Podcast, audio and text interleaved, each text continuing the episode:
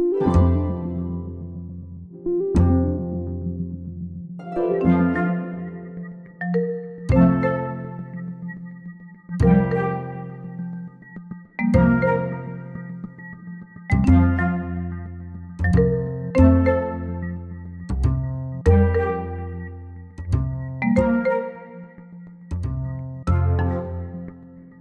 Nu ska det handla om epadunk, eller nästan.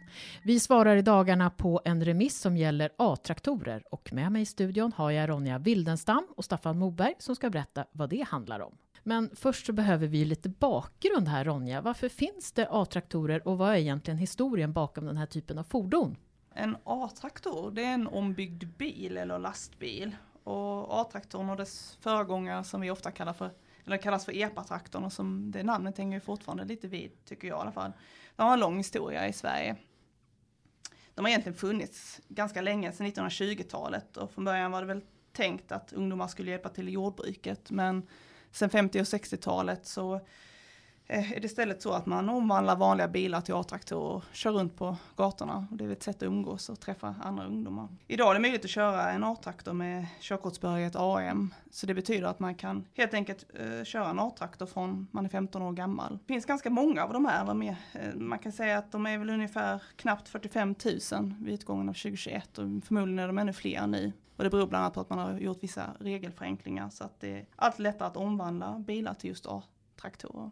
Och nu har det kommit en promemoria från Transportstyrelsen som föreslår nya regler. Vad är det då? Ja, de föreslår egentligen lite olika regler för att förbättra trafiksäkerheten för de här fordonen. Man ska till exempel ha bälte eller använda bälte, eh, förstärka utbildningen för de här som ska få AM-behörighet för att köra de här fordonen. Och sen införs också begränsningar, eller man föreslår begränsningar på hur många passagerare som får sitta i en sån här A-traktor. Och vad är då bra och dåligt med det här, Staffan? Eh, det är mycket som är bra faktiskt. Eh, som Ronja tog upp här. Eh, förslag om att de ska ha vinterdäck, vilket jag tycker är en självklarhet. Jaha, de kör utan vinterdäck de alltså? De får köra utan vinterdäck. Att de ska använda bilbälte, vilket inte heller har varit ett krav. Mycket konstigt. Att de ska genomgå en så kallad riskutbildning och dessutom så ska man se på möjligheten att försvåra att de ska trimmas. Eh, och det är väl ett av de problem vi ser idag, att, att det är många som trimmar dem och, och eh, ofta kör betydligt snabbare än, än, vad de får göra. Mer som en vanlig personbil, köra i 100 km i timmen. Sen ser vi en del brister i förslaget också.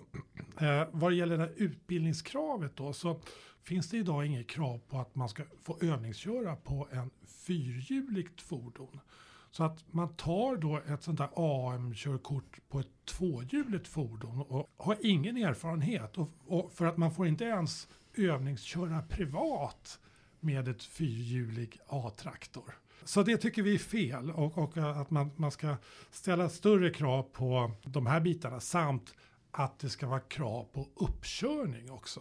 Visa att man behärskar fordonet. Sen eh, ser vi också då problem med den här begränsningen till 30 km i timmen.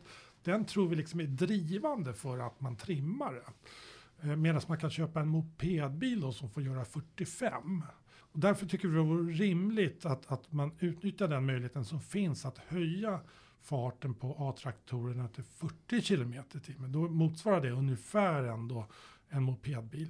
Och skälet till det är, är att de flesta olyckorna som sker med en A-traktor är singelolyckor eller kollision med andra fordon. Och då sitter man så väldigt mycket säkrare i en A-traktor än i en mopedbil som har ett ganska dåligt krockskydd. Och inte heller har ett skydd som är utprovat för kollision med fotgängare och cyklister.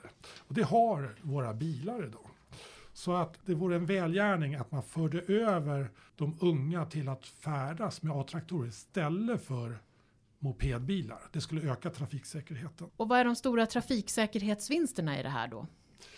Ja, det skulle vara att, att eh, risken med att, att färdas i mopedbil skulle minska med att det blir färre som använder den. Och eh, man sitter betydligt säkrare i en, eh, i en stor A-traktor eh, med all den skyddsmekanism som finns där i. Eh, så att det blir också då att behovet av att trimma kommer inte bli riktigt lika stort eh, för den enskilde föraren och man kommer också minska omkörningar och så. Du har lyssnat på Försäkringssnack, en podd från Svensk Försäkring och det var kort om vårt remissvar kring A-traktorer. Svaret i sin helhet finns på vår webb och länkat i avsnittsinformationen. I studion har du hört Ronja Wildenstam, jurist som jobbar med brott och skadeförebyggande frågor och Staffan Moberg, jurist med ansvarsområden som klimat, trafik och skadeförebyggande arbete. Och mig, Ulrika Loeb. Vi hörs!